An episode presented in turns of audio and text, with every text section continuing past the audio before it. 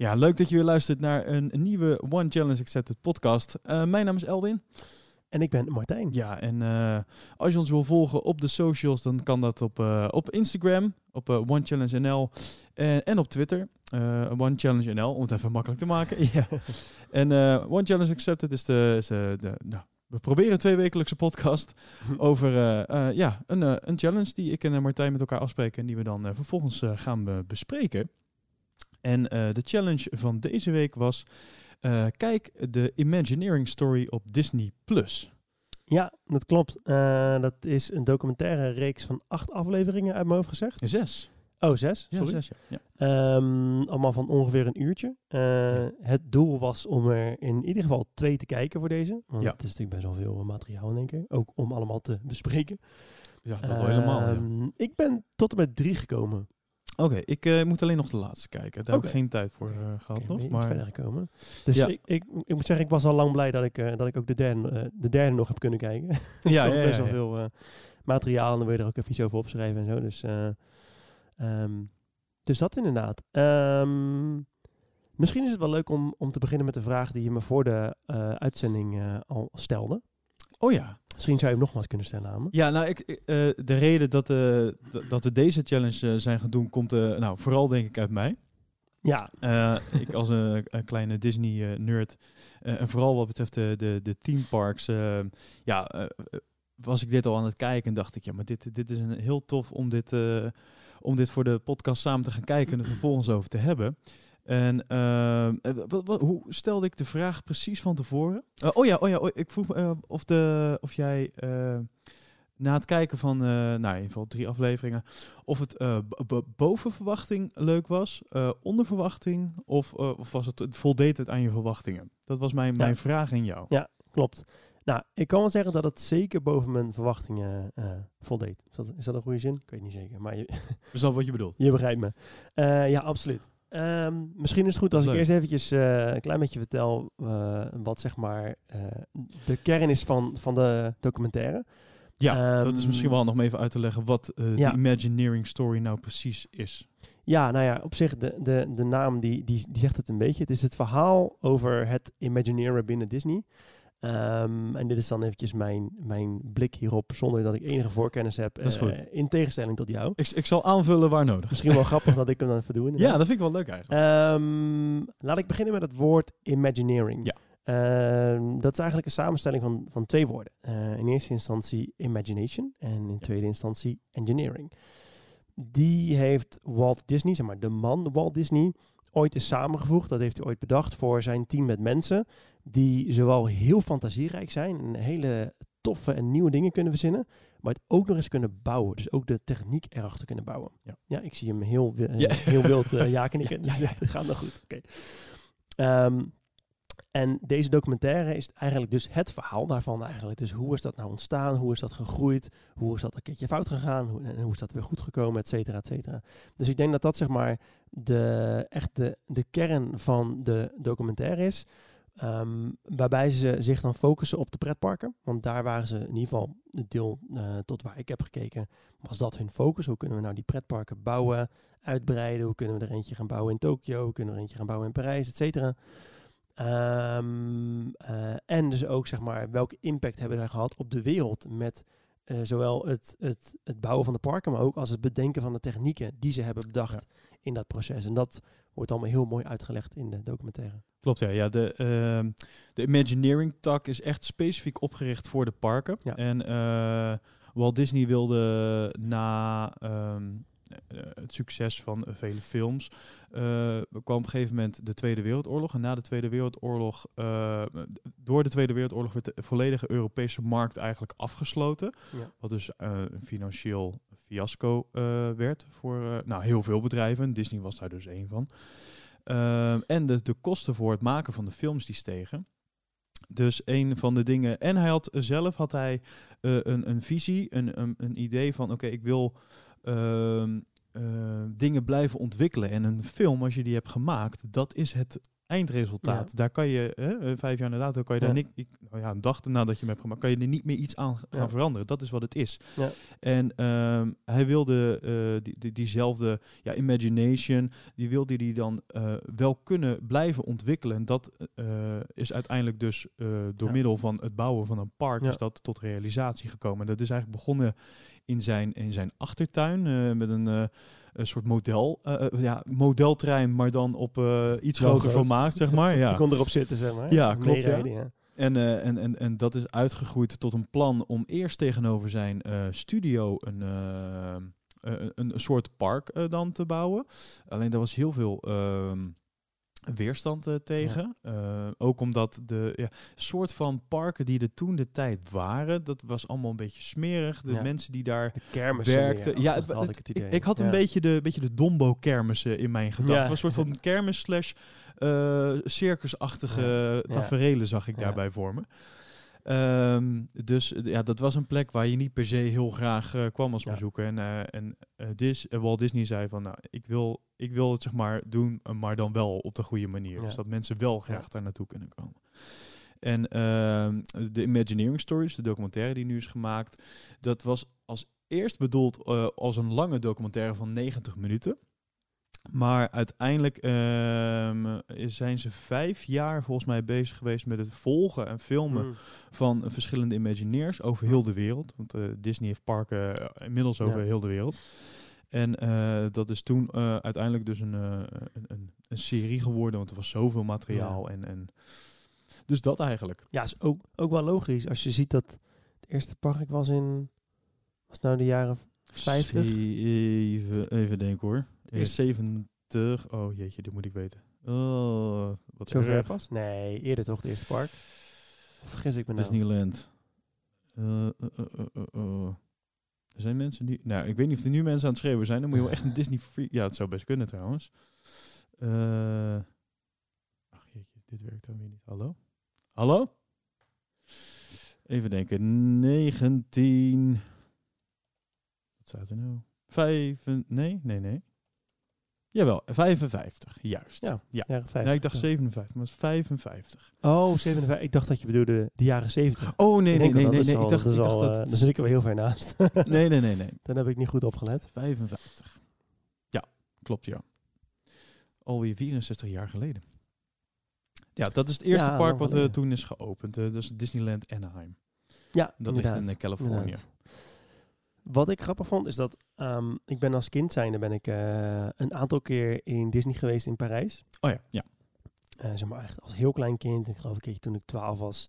Eh, en toen de laatste keer, dat was ook met jou. En dat Ja, was, dat was een jaar of zes geleden, zeven geleden denk ik.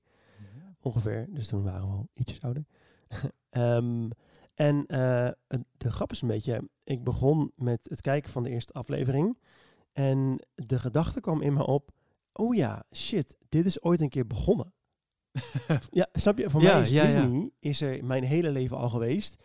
En ehm, ehm, ik heb nog nooit over Disney gesproken of ik heb nooit iets erover gehoord in de context van dit is een ondernemer met een bedrijf of überhaupt Disney is een bedrijf. Ja. Snap je? Het is zo Disney is de films en Disney is de characters en ik had gewoon nog nooit echt de trigger gehad van logisch, het is gewoon een bedrijf en Ja, eh, en het is ooit een keer met één man begonnen. Dus dat, dat, dat, is wel, dat was al mijn, mijn eerste trigger van... Oh ja, dit is eigenlijk wel, eh, eh, wel grappig om dit even te zien. Omdat ja, het heeft gewoon een begin, zeg maar. ja, ja of, of zoals ze zeggen, it all started with a mouse. Dat is een, een bekende ja, ja, uitspraak. ja.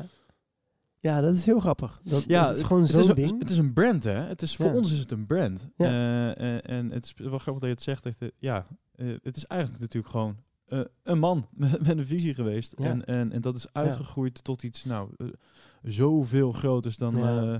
Dus het is eigenlijk bizar. Ja, zeker weten. En, en, en dat is ook wel een van de dingen die mij het meest is bijgebleven. Gewoon zijn verhaal, zijn visie. Maar vooral ook toen hij er, er niet meer was. Eh, de mensen die hem zijn gaan opvolgen, ook hun verhaal, hun visie. Eh, ik merkte dat dat mij wel eh, heel erg aansprak. Van hoe dat is verlopen inderdaad. Dat is gewoon zoiets, zoiets bijzonders om te zien eigenlijk. Ja, absoluut. Ehm, wat, wat mij het meeste aansprak in de documentaire, en dan ga ik weer even terug naar de vraag die we net Oh stelden. ja, dat is waar ook. Eh, nou, wat, wat heel leuk is. Nee, ik ga toch eerst even de vraag doen, want dan kom, kom ik hierna ja. op terug ja. namelijk. Ehm, de vraag aan jou was dus, eh, was, was het kijken eh, eh, naar dit boven verwachting, of volgens verwachting, of onder je verwachting? Nou, je zei dat het boven verwachting ja. was. Nou, misschien kan je even uitleggen waarom dat voor jou precies zo, zo was. Ehm, ik denk in eerste instantie om, om- omdat ik ook niet heel veel verwachtingen had. Zeg maar. Ik wist niet precies wat ik kon gaan verwachten Nee, van, van de documentaire. Dus ik wist het zou gaan over Disney en dan vooral over de parken. Eh, ik wist het zou gaan over het ontstaan ervan. Ehm, maar verder had ik er eigenlijk nog helemaal geen idee ervan. En voor mij was het heel erg tweeledig. Enerzijds vond ik het tof om gewoon de inhoud te zien. eh, of sorry, het verhaal inhoudelijk over Disney, over het park Disney en de man Disney. Ehm, eh, omdat die inhoud is gewoon tof. En aan de andere kant vond ik vooral het deel eigenlijk over ondernemerschap en over visionair zijn en over ehm, mensen kunnen inspireren en mensen jou kunnen laten volgen omdat ze geloven in, in wat jij gelooft. Ja. En dat, dat had in ieder verhaal, of het nou een verhaal is over Apple of over Facebook of over wat dan ook, dat, dat zeg maar, ehm, dat principe vond ik heel erg interessant. Ja, ja, dat is een van de redenen waarom dat ik ehm, ja, dit ook zo gaaf vind. Ja. De- het bedrijf Disney, ehm, i- dat is hoe zij eh, met hun bedrijf bezig zijn en Ja. hoe zij zo vanuit de, de gasten denken, eh, Mhm. vanuit de klant, om het zo maar te zeggen. Dat, Ja. dat, dat is zo inspirerend en daar Ja. kunnen zoveel bedrijven, naar mijn idee, echt nog heel veel van leren. Ja. Eh, dus dat is een van de dingen waarom dat ik dit heel gaaf vind. Plus hoe de parken zijn uitgedacht en, en- Oh en tot in detail eh, dingen zijn toegepast. Dat, dat, ook dat vind ik heel inspirerend. Het is echt over alles is nagedacht. Echt alles. Tof, hè? Ja, dat, dat vind ik zo gaaf. Ehm, dat is eh, ja, mensen die gewoon eigenlijk op de top van hun kunnen aan, aan het werk zijn. Op het, het- ja, zo, zo ver nadenken over eh, een stukje steen, bewijzen van. Ja, weet je ja, wel? letterlijk. Ja. dingen waar je misschien in, in gemiddeld bedrijf, en dan heb ik het nu over steen, maar dat kan over van alles zijn, heel veel dingen ehm, voor lief worden genomen of geen of weinig aandacht aan wordt besteed, want het zou niet belangrijk zijn. Ehm, ik denk dat, eh, ja, dit is, hier komt best wel een, eh, een, een be- bekende spreuk naar voren van how you do anything is how you do everything. En, en, en dat gaat hier wel enorm op, zeg maar. Hoe zij bezig zijn met, de, met, een klein, eh, met de, de kleur van een stukje rots. Eh, zo zijn ze ook bezig met de, het bedenken van de grootste attractie binnen, binnen een park. Of, of, Ja. weet je, of, of een koffietent of, of een bloemenperk. Of alles, weet je wel. Het maakt niet uit wat het is. Alles is even belangrijk en verdient eh, de maximale aandacht Ja. eh, en, en zorg. Nou, het is wel, wel grappig dat je het zegt, omdat was eh, in de derde aflevering ehm, kwam dus een anekdote van een van de Imagineers naar voren. En hij zei dus dat, ehm, even kijken, de, de opvolger van Walt, weet ook weer, Was dat- was, dat Ron? Roy. Roy. Zijn broer. Ja, oké, en dan, dan daarna. Eh, Was daarna. Ron Miller of zo, heette die, dacht ik. Nee, dat Nou, goed. kunnen. Nou goed, dan maakt ook niet zo uit welke man het was. Maar ehm, die toenmalige eigenaar van Disney, die vertelde dus tegen die engineer, of ehm, Imagineer, sorry. ehm, Disney werkt eigenlijk in vier lagen van details. Ja. Eh, eh, vier, vier niveaus van, van details. Waarbij je dan het eerste niveau is eigenlijk het hoogste niveau, dus de plattegrond. En je kijkt een soort van op het park neer en je ziet het, het geheel, een soort van de helikopterview. Ja. Daar kijken ze naar. Je hebt het tweede niveau dat je zeg maar, door de straten heen loopt en de, en de soort van het gevoel krijgt eh, van, ja, gewoon van de straat, van de lichten. Een beetje het algemene gevoel als je er rondloopt. Dan heb je een derde niveau. Dat is, je staat bijvoorbeeld voor een huis. Eh, eh, en je ziet het huis, je ziet ook de stenen, je ziet een beetje hoe het huis is ingericht, zeg maar. Dus op dat niveau denken ze na. Maar dan hebben ze ook nog het vierde niveau. Je loopt naar dat huis toe eh, en je, je klopt op de deur met zo'n zo'n hele ouderwetse, hoe noemen ze dat? Een, Ja, hoe een noem je dat? doornak of zo. Dat is Ja. zo'n, ding wat je heen en weer kan halen, zeg maar. is van, Ja. van, van metaal of zo. En ook op dat niveau denken ze na. En dat niveau Ja, is hoe dus- voelt dat? Hoe, hoe ziet voelt het nou als eruit? ik, als, als ik inderdaad die deurbel beter pak en hem heen en weer haal? Is het, voelt het echt? Voel ik de oneffenheden erin omdat het al oud is? Past het in het hoe verhaal? klinkt het hout? Hoe, eh, er, er komen wat snippers van het hout. Want het is een oud huis. Ja. En eh, de, de Imagineers werden telkens eigenlijk gepusht door Walt Disney en daardoor door zijn opvolgers om ook juist op dat vierde niveau na te denken. Ja. En als ik dat dan vertaal bijvoorbeeld naar mijn business, is ik zit eh, eh, deels zeg maar in eh, webdevelopment en Ja. deels in marketing. Maar als ik dan kijk bij webdevelopment, kun je het ook heel goed weer terugvertalen naar, oké, de website werkt wel, maar als we nou echt even gaan inzoomen, zien we toch hier en daar wat puntjes die niet op de i zijn gezet. Ja. En ik denk dat dat een beetje de samenvatting is van, ja, zet je ook echt alle puntjes op de i's. Ja. En ik denk dat dat Disney onderscheidt Absoluut. van eh 99% van de andere bedrijven in de wereld. Ja, dat is helemaal waar. En ook de, de, de aanpak van eh, het bouwen ervan. Ehm, Walt die heeft... Kijk, de, de- in die tijd was er, eh, toen hij begon met Disneyland in Anaheim... Er waren nou niet specifiek mensen hiervoor opgeleid. Hij heeft gewoon mensen Nee. uit de studio weggetrokken. Ja. en gezegd, je gaat dit doen, zeg Ja. maar. En ehm, ehm, de, de- er was niet een budget voor, bijvoorbeeld. Ehm, het was gewoon van, oké, we gaan gewoon nu mensen scouten. Het budget komt later wel. We gaan nu, we gaan nu aan de slag. En dat is echt wel... We gaan beginnen. Ja, maar je merkt dat met heel veel dingen. Van, ehm, weet je, eh, hij zei ook vaak, nou, eh, budget, dat moet je niet aan ons overlaten. Daar hebben we een afdeling voor, die zorgt ervoor dat Ja. er geld komt. Wij moeten maar met één ding bezig Ja. zijn. En dat is ervoor zorgen dat we het maken. Op de best mogelijke manier, zeg maar. Eh, ook wel een hele goeie. Dat, eh, daarmee zorg je dat er een soort van focus blijft bij de, ja, bij de persoon Ja. die die focus ook hoort te hebben. En dat er geen soort van versplintering daarin is. Iemand hoeft zich maar met één ding bezig te houden en ook over één ding druk te maken. En dat is specifiek die taak, zeg maar. Eh, en, en zo werd dus alles ook aangepakt. Volgens mij een, een quote van hem. Even kijken, die heb ik opgeschreven. Oh ja, the way to get started is to quit talking and being doing. Dat is Mm. echt heel eh, kenmerkend voor eh, hoe hij dingen aanpakte. Ja. En dat is, eh, dat is best wel, ja, vond ik wel heel inspirerend ook. Omdat we kunnen vaak dingen heel erg overdenken en, en van tevoren ah, ah, helemaal ah, uitdenken en op papier zetten Ja. en alles. Maar hier wordt, Ja. ik, dat is niet altijd de, de beste manier, denk ik, om Nee. dingen aan te vliegen.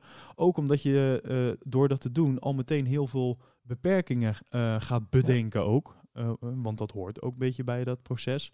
En dan vervolgens dus ook dingen niet gaat uitvoeren door die beperkingen. Ja. En hij, hij ging aan de slag en kwam dan wel de beperkingen tegen. En Ja. ging daar vervolgens eh, omheen werken Ja. of eh, ervoor zorgen dat het alsnog lukte. En Nou, kijk, en ik denk dat het verschil is tussen een Walt Disney eh, en heel veel andere mensen, is dat Walt Disney had wel, zeg maar, heel duidelijk in zijn hoofd het beeld waar hij heen wilde.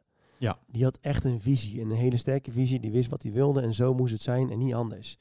En ik denk dat, dat daar het grote verschil zit tussen, alle andere mensen die dat dus niet hebben.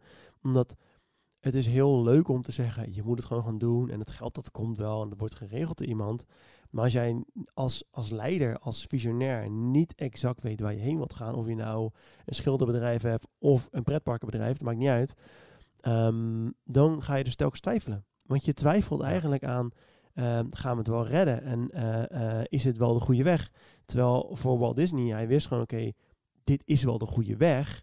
En dat we dan een, een obstakel tegenkomen, nou, daar gaan we dan wel omheen of overheen, dat maakt niet uit. ja, Maar ik weet zeker dat dit de goede weg is. En ik denk dat zelf dat daar het grote verschil in zit. Dat hij, in ieder geval van, vanaf de buitenkant, als je het zo kijkt in die documentaire, geen twijfel had over dat dit de juiste weg was. ja, absoluut.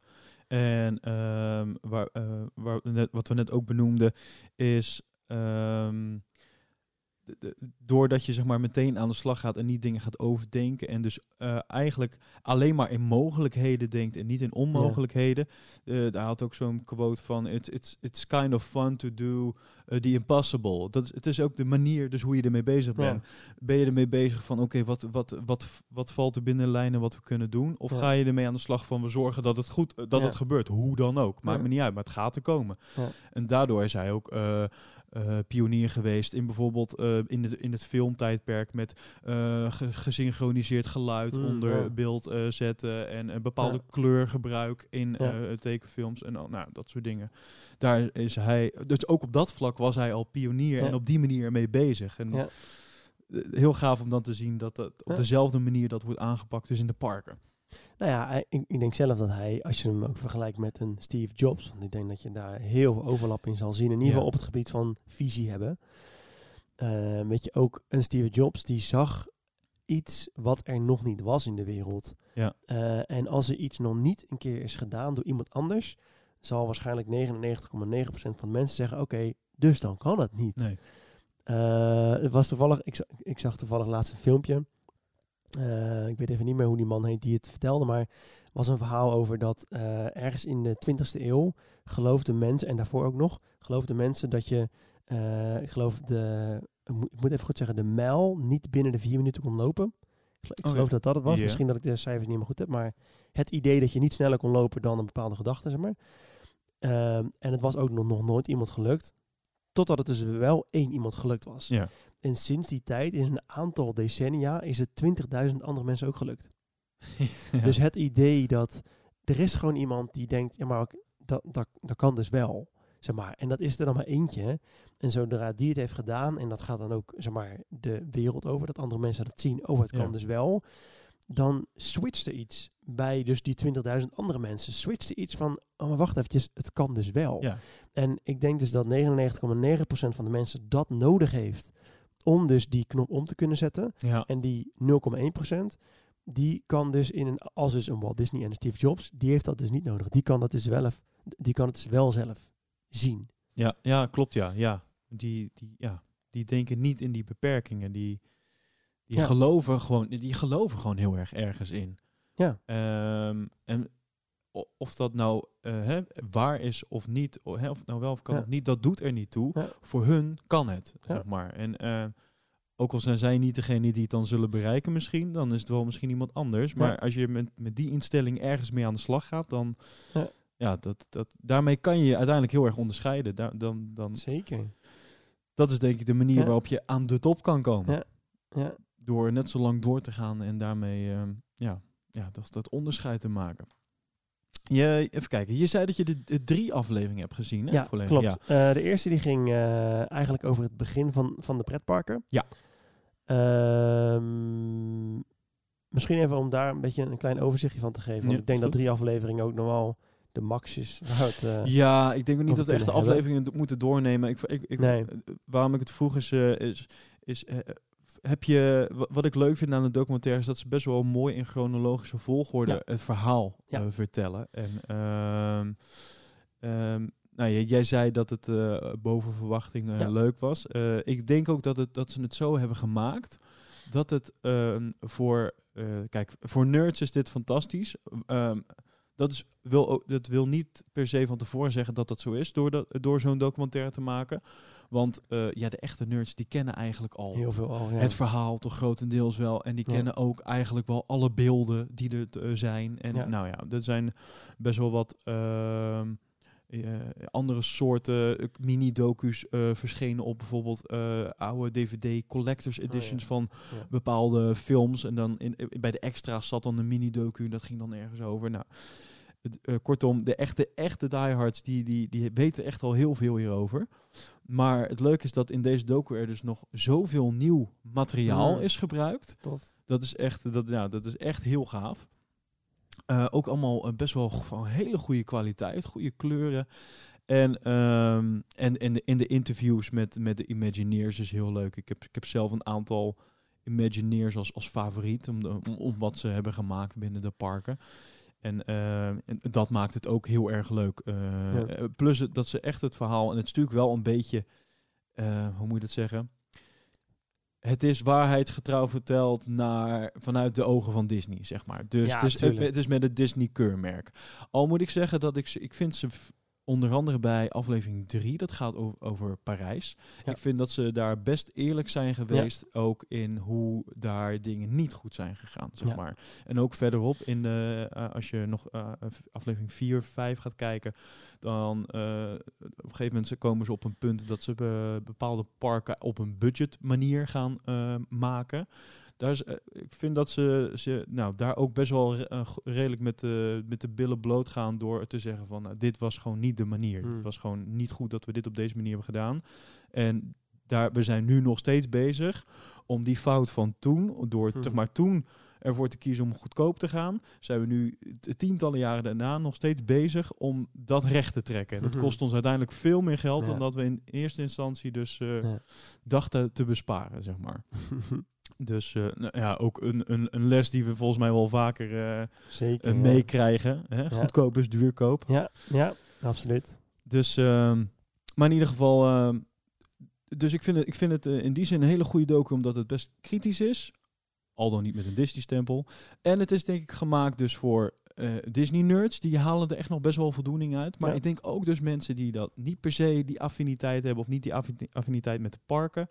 Dat, dat die er ook toch wel een, een, een ple- plezier aan beleven. Omdat het verhaal, denk ik, naar mijn idee, goed is verteld. Het wordt goed Ja. verteld in, in volgorde Ja. en met de juiste zijpaadjes.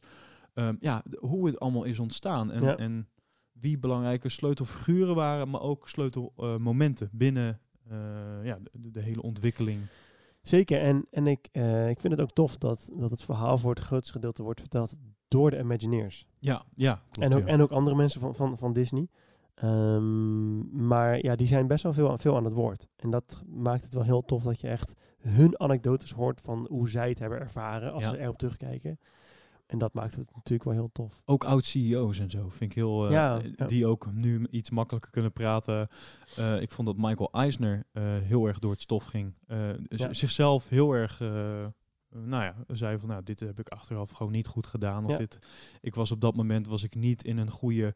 Het, eh, hij had het erover dat hij ook eh, fysiek, mentaal eigenlijk helemaal niet eh, sterk was op dat moment. Bepaalde keuzes moest maken. En Ja.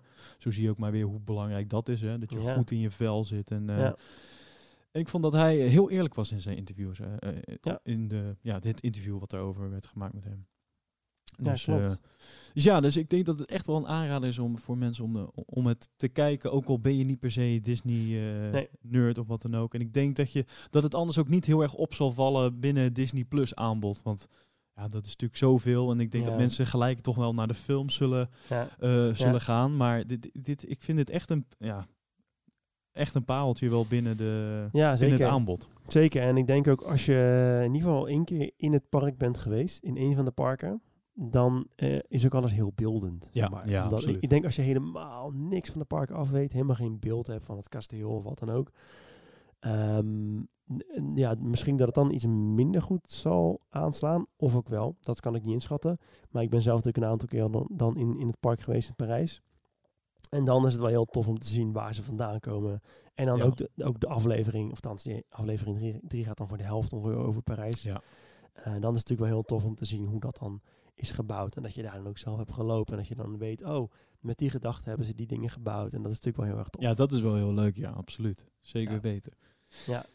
Ehm, Wat ik eh, een, leuke af, eh, een leuke aflevering vond, of een interessante aflevering Ja. vond, was eigenlijk aflevering 2. En die heet eh, What Would Walt Do? oh ja. Oh. En het ding was zeg maar, voor, voor de luisteraar, aan het einde van aflevering 1, dat, dat eindigde dus zeg maar met het overlijden van Walt Disney. Oh, de- spoiler warning. oh, dan moet ik wel... nee, natuurlijk niet. Iedereen weet dat die me- meneer al lang overleed. Hij is op een gegeven moment dus wel... eh, Het is niet zo'n Game of Thrones dat je dan niet kan... Hè, we weten allemaal dat hij doodgaat. ja, ja, dat is waar. ja, dat zou wat zijn. Maar in ieder geval, dus daar, daar eindigde het mee. Ja. Dat vond ik mooi trouwens in beeld genomen. Het, is, het voelt een beetje Amerikaans ook wel, maar het, Ja, het maar is, aan het de is ook kant- Amerikaans. Ja, dus dat, dat is het ook, Moet dus je dat dan ook verwachten, zeg maar. Maar het, is, ik vond het wel, eh, het was wel oprechte emotie volgens mij, die, die we Zeker. zagen bij Imagineers. Die spraken over eh, het moment dat ze hoorden dat Walt was overleden. En ook de ceremonie die ze in het park hebben gedaan, de Ja. dag of een paar, dagen daarna met alle medewerkers. En, en daar kwamen echt de tranen bij vrij. Ja, en, eh, dat klopt. En wat, wat ik eh, daar onder andere interessant aan vond, en misschien intrigerend is een beter woord, is ehm, hoe de Imagineers, maar ook de andere mensen van Disney, hem ook echt volgden. Maar hem ook echt wilden volgen. Hem echt zagen als het voorbeeld. Ja. En dus eh, hè, de aflevering uh, heette dus What Would Walt Do? En een van de dingen was ook van, nou, dan, dan kwam er een opvolger. dat was Roy, was dan zijn broer. Uh, ja. Roy Disney, dat was dan wel financieel en die ging wel wat dingen overnemen. Maar er kwam geloof ik nog, nog iemand bij. En die kwam op een gegeven moment ook de ruimte inlopen. En die zei tegen de Imagineers, nou jongens, wat gaan we doen? En dat dan ook een van die, van die Imagineers die aan het woord was, zei... Oké, dit toen, toen zonk het in één keer in van shit, we zijn echt onze leider kwijt. Want Walt Disney die kwam nooit binnen met, nou wat gaan we doen? Nee. Hij zei wat er ging gebeuren. En dan merk je dat, uh, ik vond dat zo heel erg, heel erg tof om te zien vanuit ondernemerschap hoe je als leiding, uh, zeg maar als leider, en niet als leidinggevende, hoe dat vaak wordt gezien, maar echt als leider van een groep mensen met een visie, hoe krachtig dat is. En hoeveel, hoe, hoe krachtig een team kan worden wanneer iemand niet per se de baas speelt, maar een visie kan overdragen. Want dat kwam in aflevering 1 heel vaak naar voren.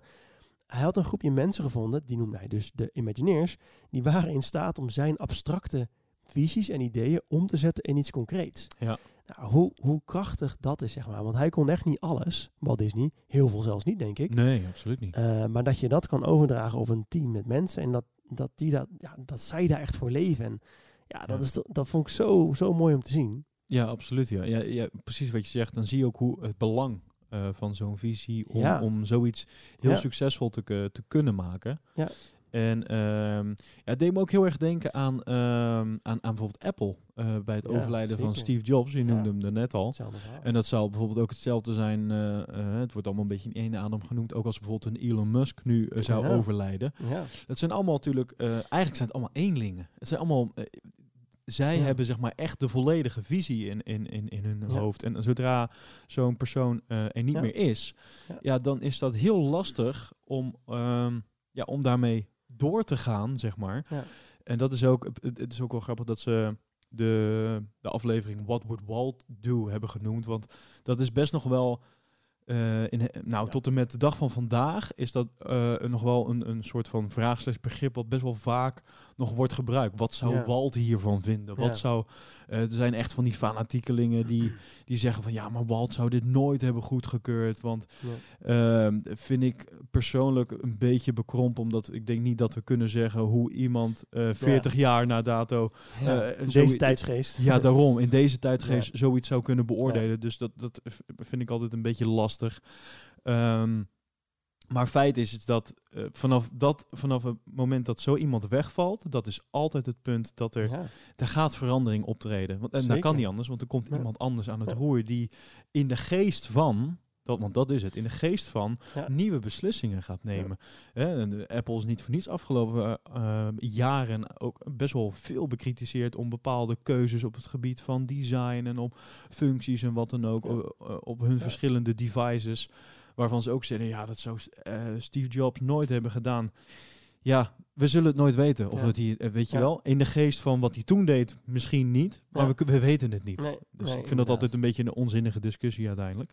Ja, ja, dat klopt Toch? Ja, weet je, we kunnen er toch niks meer aan doen. En, Nee. en, en we zullen het nooit weten. Nee. Ehm, dus d- eh, dan moet je accepteren dat er een tijdperk voorbij is. En Ja. we, we hopen het dan begin. zo goed mogelijk door te kunnen zetten. Ik vind wel eh, met alle ups en downs dat dat wel op een... Ik denk dat de visie krachtig genoeg was. En krachtig genoeg was overgedragen Ja. op, tot op het punt van overlijden. Dat tot op de dag van vandaag eigenlijk die visie nog steeds wel heel goed staat. In, Ja, de, in de ik basis. Ik denk ook omdat heel veel goed gedocumenteerd is. Onder andere bepaalde ideeën, ehm, een quote, al dat soort dingen. Ja. Ik denk dat hij toen al we- werd gezien als best wel... Nou, zoals wij bijvoorbeeld nu naar Steve Jobs en een, Ja. en een, een Elon Musk kijken. Ik denk dat eh, veel ondernemers ehm, toen al inspiratie eruit ha- haalden, Ja. denk ik. Maar zoals nu ook, eh, nu doen wij dat ook bij, bij, bij die grote namen. Ja. Proberen wij dat weer te vertalen naar onze eigen ideeën, Ja. om het zo maar te Ja. zeggen. Ja. Dus, maar die visie, die, die, die was denk ik wel heel, heel duidelijk. Nou Eh, ja, maar kijk, weet je, eh, toen, toen, toen Walt overleed, toen nam zijn broer Roy het over. Nou, die had toen natuurlijk ook nog het project in Florida helemaal afgerond.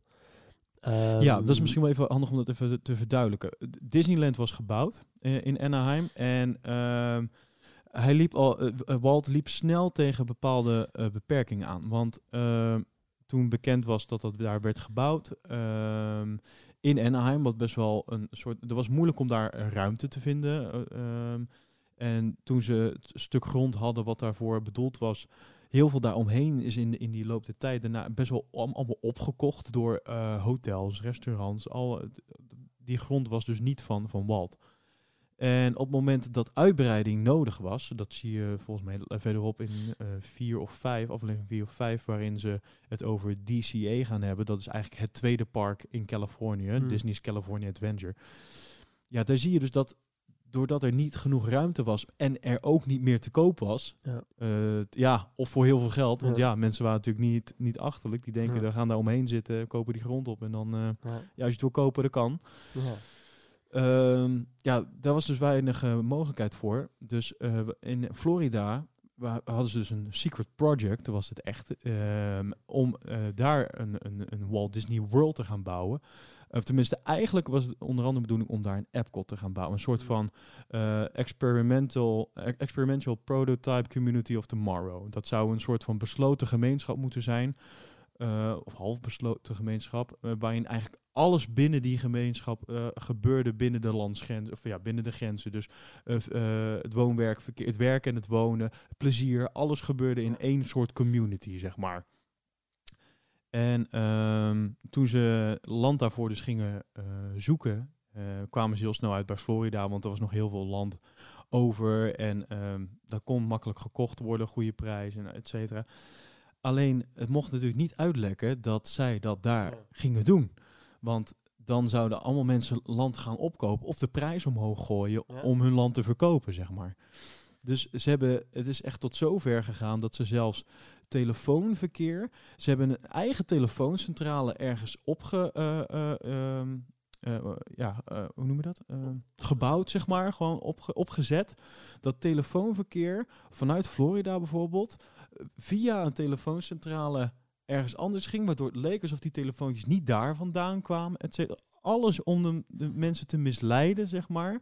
Om maar niet op te vallen bij het publiek dat Walt Disney daar wat ging doen, zeg maar. Het ging echt heel ver. Brieven, brievenbussen, hele firma's werden opgezet hiervoor. Echt? Ja, om het helemaal te om, omzeilen, om het helemaal af te schermen, zeg maar.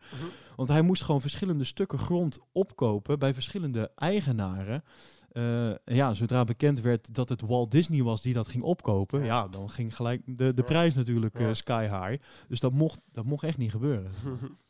Dus heel grappig hoe ze daar uiteindelijk die stukken land Ja. hebben opgekocht.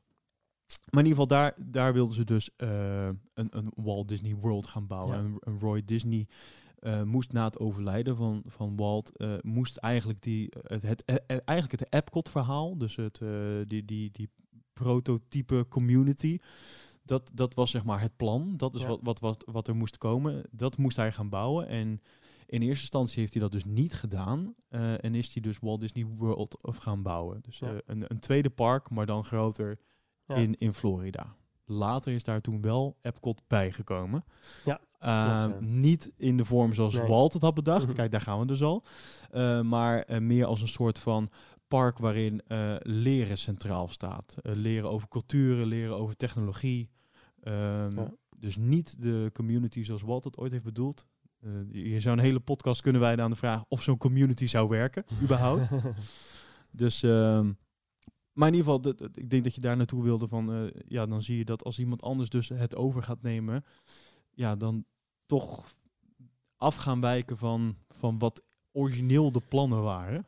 Ja, ja, zeker inderdaad. En ik denk, kijk, eh, toen, toen Walt overleed, toen had hij het bewust overgedragen aan zijn broer Roy. En dat zie Ja. je ook bij Steve Jobs. Toen hij overleed, had hij het ehm, bewust overgelaten aan Tim, John, mm, Tim Cook of Johnny Tim- Ive? Tim Cook, toch? Die is Tim toch, Cook, ja, eh, Tim Cook, de ja. dacht ik. Dus daar heeft hij dan zelf nog voor gekozen. Ja. Ehm, maar toen Roy overleed, Ja, Snap je? Dan Ja. moeten in één keer andere mensen dat gaan kiezen. En ik vind het dan toch wel vet dat dan juist die Michael en die Frank, die, Mhm. dat waren dan de, weer de twee opvolgers, zeg maar, die gingen dat samen dan runnen. Ja. Een beetje zoals Walt en Roy dat deden. Eentje was meer van de financiën en de andere was meer het creatieve. Dan vind ik dan toch wel tof om te zien dat ze daar dan een goede keuze in hebben gemaakt. Want volgens mij Ja. was dat een hele goede keuze geweest, als ik dat zo zag. In Absoluut. De documentaire.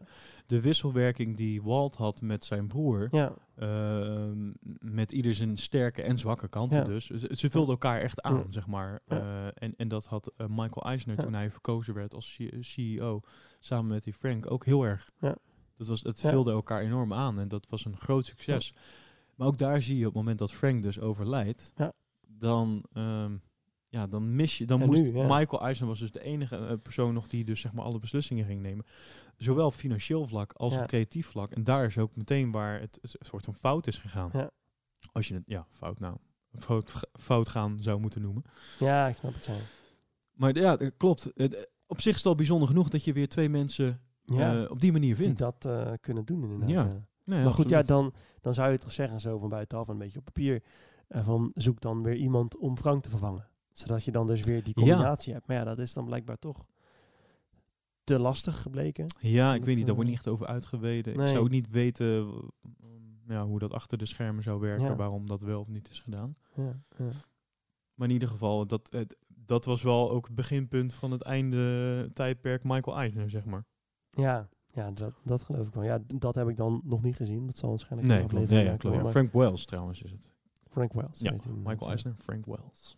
Ja, dat was al erg eh, droevig, zeg maar, om dat te horen. Dat hij ging dus, eh, hij, hij, hij was dus overleden, al, al, al redelijk eh, ja, op vroege leeftijd. In ieder geval, ja, hij zat nog midden in zijn Disney-avontuur.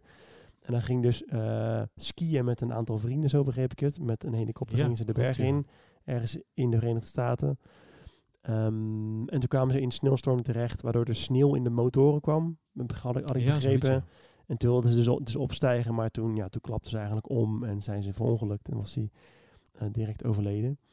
Eh, dus ja, dat is ook echt wel een beetje het, het, het meest heftige scenario wat je kan bedenken, Ja. zeg maar.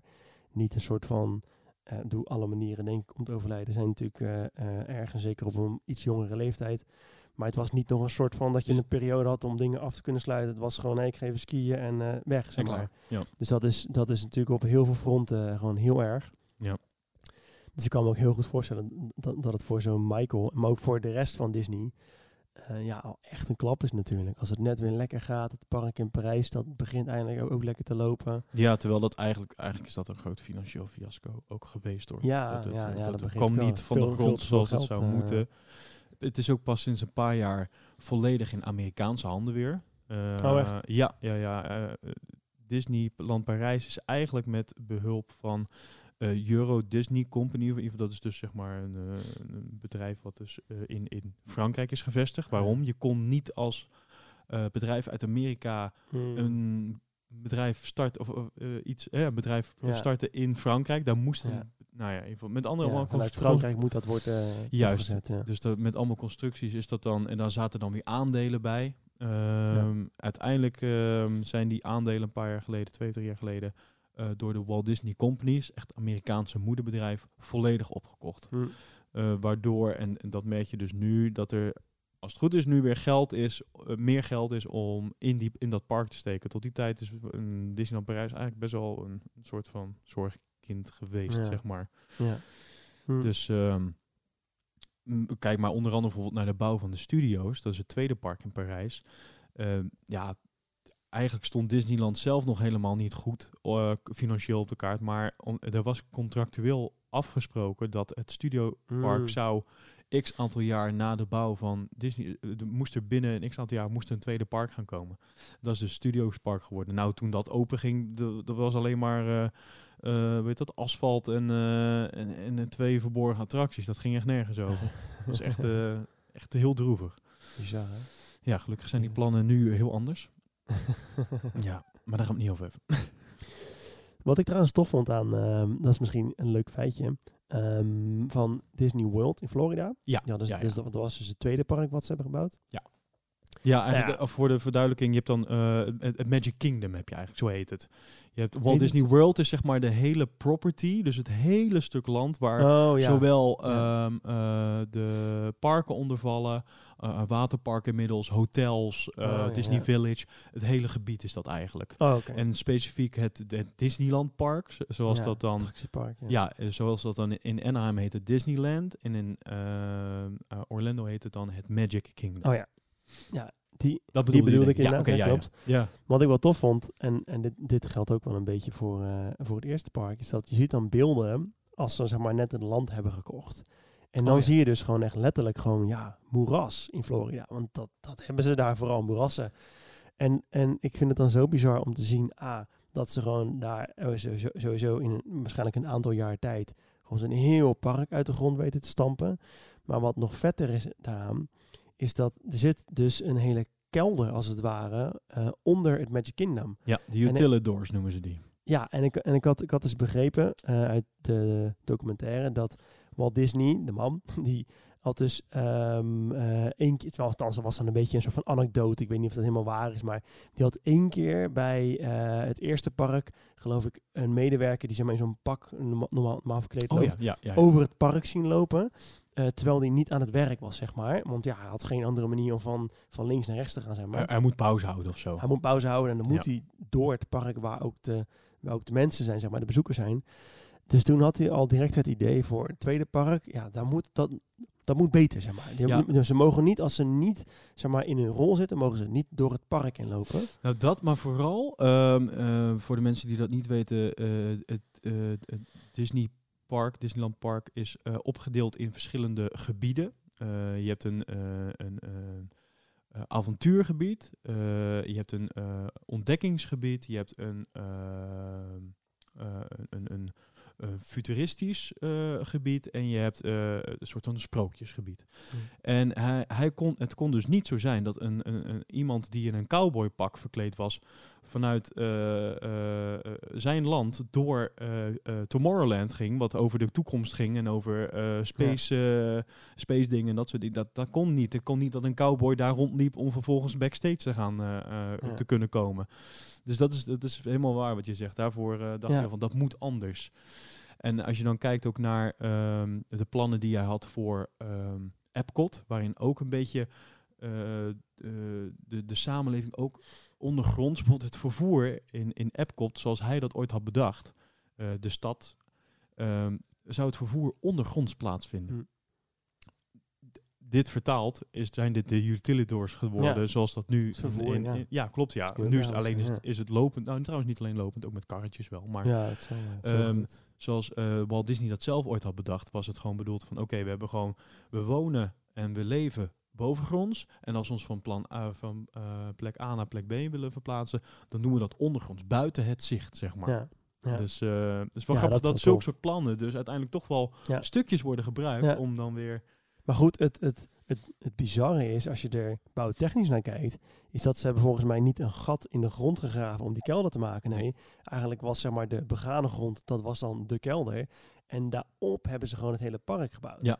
En dat, ik kan me gewoon, gewoon niet voorstellen hoe dat bouwtechnisch gezien te, te doen is, zeg maar. Ja, het dat, park dat- is gewoon op, op first level gebouwd eigenlijk, zeg dat, maar. Dat is, want, want dat merk je waarschijnlijk helemaal niet. Je hebt gewoon het gevoel Nee. dat je gewoon op de grond loopt, zeg maar. Klopt. Ja, dat, dat vind ik van die, van die, van die bizarre feitjes van, wow, hoe, hoe doen ze dat? Hoe Ja. krijg je dat voor elkaar? Ja, dat is echt bizar. ik. Ja, zo zijn de. Oh man, ik kan hier eh, uren over doorpraten. Over, over Ja. de, de kleine dingetjes die ze in het park doen. Om, eh, wat ik bijvoorbeeld. Ik denk dat dit wel heel erg spreekt voor eh, mensen die wel eens in Parijs zijn geweest. Ik denk dat mochten er luisteraars zijn die naar Disney zijn geweest. De kans het grootste is dat je in Parijs wel een keer bent geweest. Ehm, eh, daar zie je bijvoorbeeld als je aankomt lopen, dan je ziet het hotel, het, het Disneyland Hotel. Eh, maar je ziet nog niks van het park. Nou, vervolgens als je door de eh entree loopt eh, en je haalt je, je kaartje. Het is eigenlijk een beetje bedacht zoals een bioscoop. Zo moet je het zien. Dus je koopt je kaartje. De mensen die bij de kaartcontrole staan, die hebben ook een beetje kleding zoals vroeger bij een bioscoop buiten als je opgewacht werd. Nou, dan kon je een kaartje kopen. Vervolgens kom je een soort van voorstuk. Dan zie je de, eh, eh, het opstapstation van de trein, de railroad. En je ziet eh, een, een, een aantal gangen waar je onderdoor moet met een best wel laag plafond. En in die gangen heb je posters hangen. En dat zijn eigenlijk filmposters, maar dat zijn filmposters van alle attracties in het Mm. park, zeg maar. En vervolgens, als je dan verder loopt, dan eh, ontvouwt zich eigenlijk het, eh, het park, en daarmee dus ook het kasteel, hè, het middelpunt van het park, ontvouwt zich voor je als een soort van boek wat je openslaat, film wat ineens zeg maar tot leven komt. En daar is allemaal zo over nagedacht. Ja. Het feit dat die gangen, eh, het plafond heel laag is, maakt voor jouw perspectief Ja. alles wat je daarna ziet extra Ja. groot, bijvoorbeeld. Allemaal dat soort kleine dingen, dat vind ik, ja, oh, nou, daar ga ik zo goed op. Ja, Ik vind dat zo vet. Tof hè. Dingen waar je niet over nadenkt, maar als je ze dan eh, hoort of, eh, weet, dan dat je denkt van, oh wauw.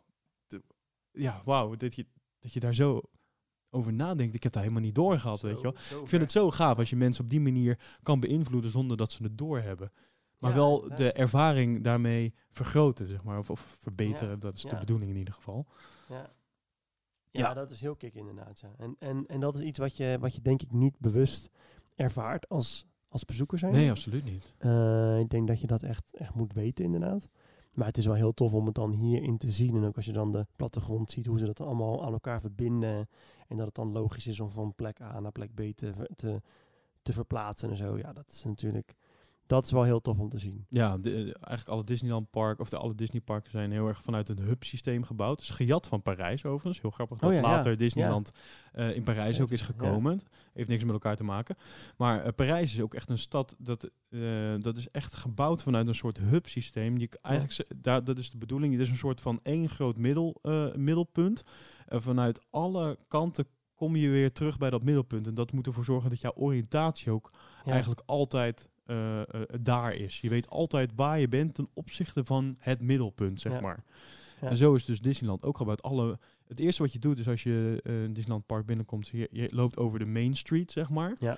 Eh, die Main Street is, eh, is, is gebouwd naar ehm, het zijn vroegere woonplaats Hmm. van, van Walt Disney.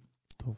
En eh, als je over die Main Street loopt, loop je richting het kasteel. Hè? Het, het middelpunt, Ja. het, het, het- eigenlijk de grote magneet voor iedereen. Ja. Daar loop je naartoe.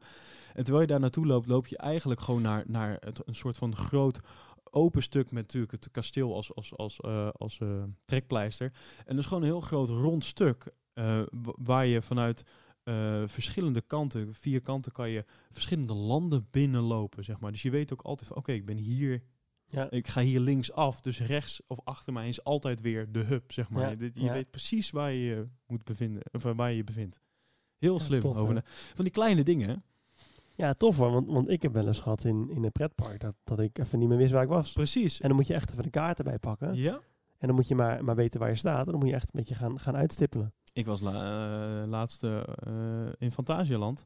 Eh, daar hebben ze dat hubsysteem een soort van klein beetje nagebouwd in één gedeelte van het park. Maar voor de rest niet. Nou, echt, soms denk ik, oh ja, moet ik hier nou naar links?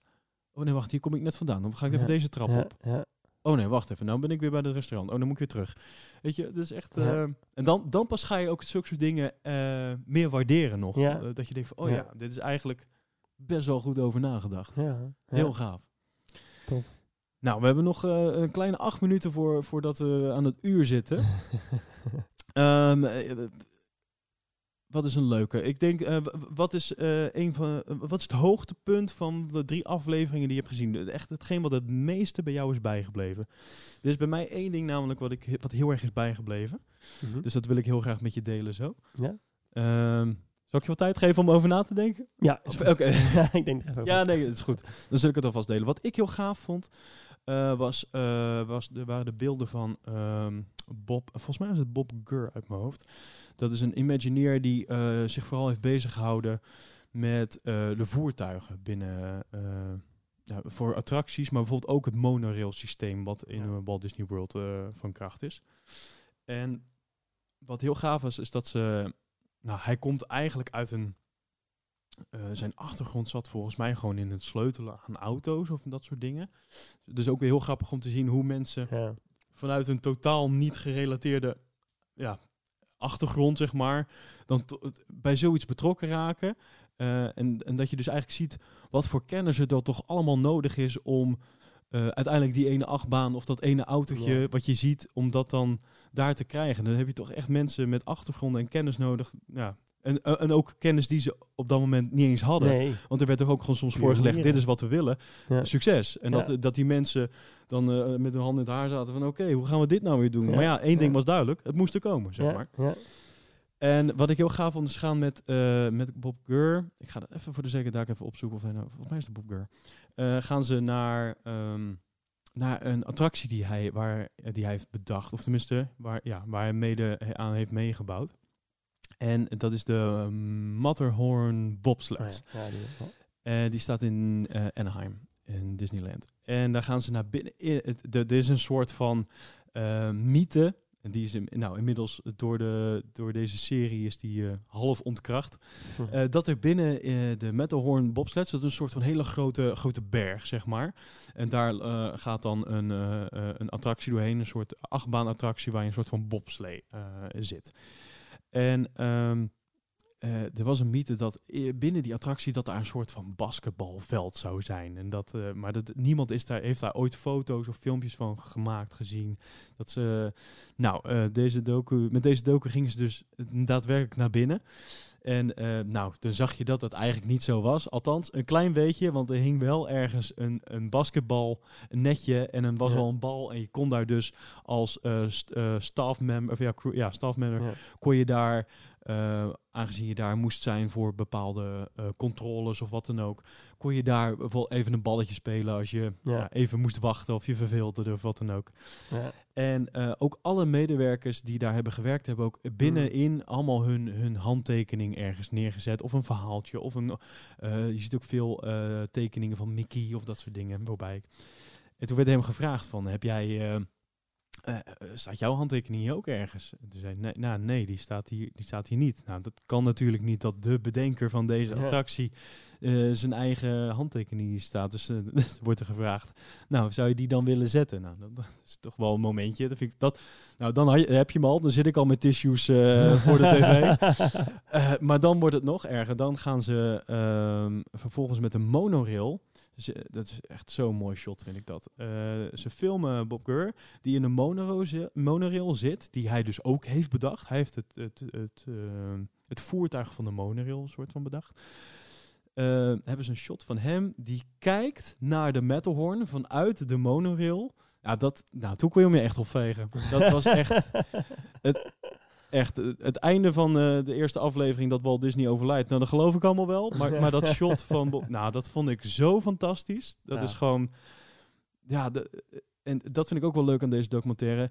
Ere wie ere toekrijgt, weet je wel? Eh, er wordt natuurlijk heel vaak over Walt gesproken en over de ideeën Ja. die hij had.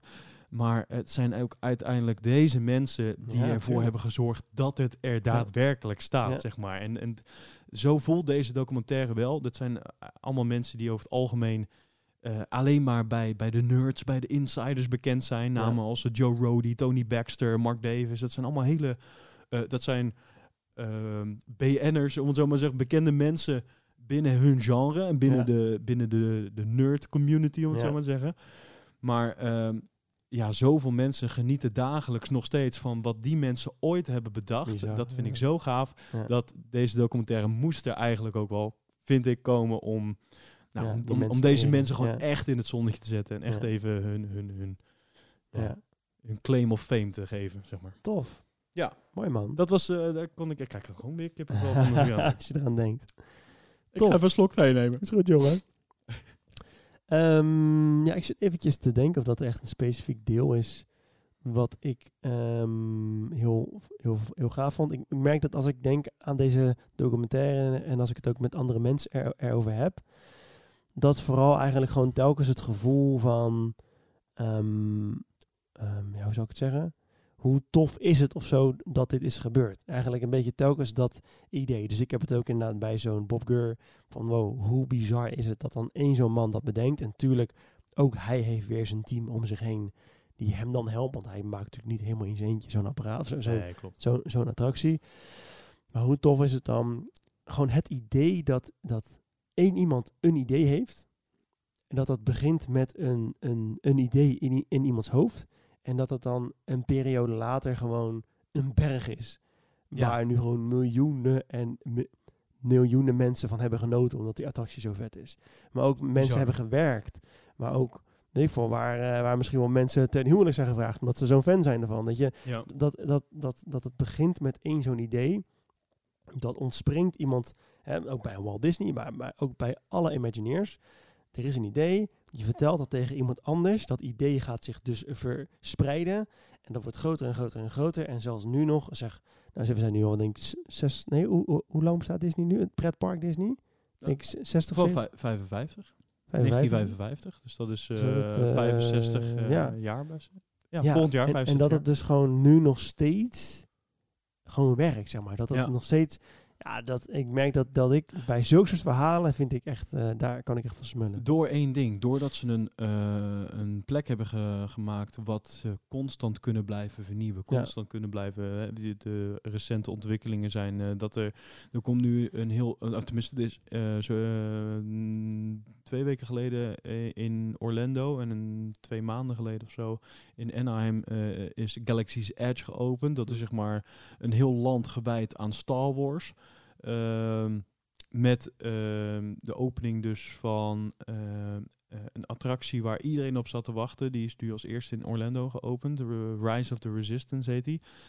Ehm, nou, ik kon me niet inhouden. Ik moest meteen de filmpjes eh, kijken van, de, van de, de bekende vloggers eh, binnen de Disney scene. En, eh, die allemaal on-ride video's hebben gemaakt hiervan. En het is echt werkelijk fenomenaal wat Disney dan weer heeft neergezet als type attractie. Ze hebben zichzelf gewoon weer overtroffen. Ze Tof. hebben weer een nieuwe lat gelegd, zeg maar. Ehm, en met een combinatie, ja, een, een attractie die verschillende ritssystemen, verschillende soorten attracties met elkaar combineert, maar vooral ook eh, de animatronics. Dus dat zijn een beetje de, de, hè, de poppen die je misschien kent uit Pirates of the Caribbean of, of zo. Eh, de, de attractie dan. ja. De, hoe vloeiend die bewegingen zijn en alles. Het is Ja. echt, het is niet normaal hoe, hoeveel techniek daarachter Ja. zit. En ehm, nou, het is echt, je wordt helemaal, eh, helemaal meegesleurd in een heel verhaal. En het, is zo De beleving die ze dan, dan kunnen neerzetten. Fantastisch. Het is echt nou, waanzinnig. cool. Dus eh, nee, ja, dat, dat- absoluut. Dat is zeker iets wat bijblijft. Wat, wat mij ook heel erg eh, opviel, en waar ik ook nooit zo over heb nagedacht, is dat ehm, heel veel ehm, ideeën worden eh, vaak eerst getekend, maar vervolgens worden ze al heel snel ehm, in miniatuur gemaakt. Eh, van schuim of van, nou, ik weet niet wat voor materialen daar allemaal voor worden gebruikt, maar echt eh, de, eh, van die, nou, je kent wel van die hele mooie, eh, ook als we bijvoorbeeld ergens een flat gaan bouwen of zo, of een nieuw park. Dat. Juist, ik Ja. zag even het woord maquette. Een soort van maquette die ze dan maken om het meer visueel te maken. Ja. Ook qua ruimte en zo. En, en ik dacht van, ja, maar waarom doen ze dit? Weet je, we, we hebben toch allemaal tegenwoordig technologie. Waarom is- zijn er nog steeds mensen dagelijks bezig om zulke soort maquettes te bouwen? En, Ja. En nou, het antwoord kreeg ik vrij snel, volgens mij ook in de documentaire. Eh, en dat is omdat het maken van 3D-modellen nog altijd best wel eh, veel tijd vergt en heel duur is. En eh, om zo snel mogelijk aan de slag te kunnen met bepaalde dingen, is het maken van zo'n maquette gaat veel sneller. Is Oh, veel, veel Ja. makkelijker in die zin. Hm. Ehm, en dus wordt er altijd iets van een maquette of bijvoorbeeld uh, van klei worden ook wel eens beelden en dingen Mm, gemaakt om zeg maar het visueel al sneller in handen te hebben, sneller Ja. er naar te kunnen kijken, er, er letterlijk 360 graden omheen te kunnen Ja. lopen, dan dat eh, dat, dat is, wordt gerealiseerd eh, binnen een eh, Ja. softwareprogramma. Heel grappig. Je Grappig, hebt, ja. ja, in aanvulling van deze documentaire heb je ook ehm, eh, One Day at Disney. Dat is, dat is een documentaire die iets van 90 minuten duurt. Dat gaat, daar volgen ze eh, verschillende mensen in verschillende functies binnen de Walt Disney, de hele Walt Disney Company. Dus dat is Mhm. echt Company Braid. Eh, company Braid is dat. Company Bright. En bijvoorbeeld eh, ABC valt ook onder Disney. Dus het, het nieuws ook daar, daarmee van, weet je wel. Dus dan eh, wordt er ook een, een, een nieuwspresentatrice wordt gevolgd. En dan een stukje spirit van wat... Bizar, wat ja. ja. Maar er wordt dus ook iemand eh, gevolgd eh, eh, die dus klei... eh, met klei nog elke dag eh, eh, ja, noem het maar op, verschillende dingen maakt, verschillende standbeeldjes of wat dan ook. Gewoon om dat dus sneller eh, in beeld te Tof. krijgen. Maar het is echt een, een, een craftsmanship. Eh, jezus, ik ga me wel Engelse woorden. zeggen. jezus, Vakmanschap vakmanschap. voor de Hollanders. Ja, ja, ja. ik, ik, heb altijd zo'n hekel aan als andere mensen dat doen, dan doe ik het zelf. maar in ieder geval, eh, echt zo'n zo'n vakmanschap, dat, dat, dat is er bijna niet meer, weet je. Want er zijn heel weinig mensen die dat nog kunnen op dat niveau, zeg maar. Het is heel, en het was ook een beetje de vraag van hoe lang zou zijn functie dan, dan nog blijven? Want ja, ja. eh, de ontwikkeling gaat natuurlijk ook wat software natuurlijk ook steeds sneller. Dus misschien zijn wij binnen zeg tien jaar ineens wel in staat om binnen een hele korte tijd bepaalde modellen Ja. te kunnen maken. Is niet meer nodig, wat dan Ja. ook. Maar vooralsnog vond ik het heel gaaf om te zien dat er gewoon een, nou ja, ik wil het niet simpel noemen, maar tussen haakjes simpele job bestaat als iemand die de dag in een atelier gewoon Ja. met klei bezig is. Ja. Om uiteindelijk eh, een beeld te maken wat eh, levensgroot wordt gebruikt in een attractie of zo. ja, tof. Heel gaaf. Tof. Heel leuk. Dus, Cool. nou, Ja, dat was hem denk ik. ja, ik denk het ook. Ik, eh, ja, ik, kan, ik kan er nog uren over Ja, doorpraten, weet maar het. laten we dat iedereen besparen. Ik, ik zou vooral willen zeggen, ehm, ja, kijk, kijk, kijk naar de, eh, naar de documentaire. Ja, Eh, zeker. neem Disney de moeite Plus. om, om, eh, om in ieder geval één aflevering te kijken. Kijken of je het wat vindt. Ja. Ik durf te stellen dat je het wel leuk gaat vinden. Er zit denk Ja. ik voor ieder wat wils in. Ja. Ehm, en ehm, ja, ja, kijk hem dan volledig ook uit dan maar meteen. hè. Zijn toch maar ja, er zijn mensen die eh, Game of Thrones eh, binge-watchen. Ja, Nou, zeker, Deze zes uurtjes, die kan je dan ook wel even Ja. missen in je leven. en mocht je dit nou fantastisch vinden, kijk dan ook de documentaire eh, One Day at Disney. En als je dan helemaal hooked bent, daar is ook nog een mooi boek bij uitgekomen.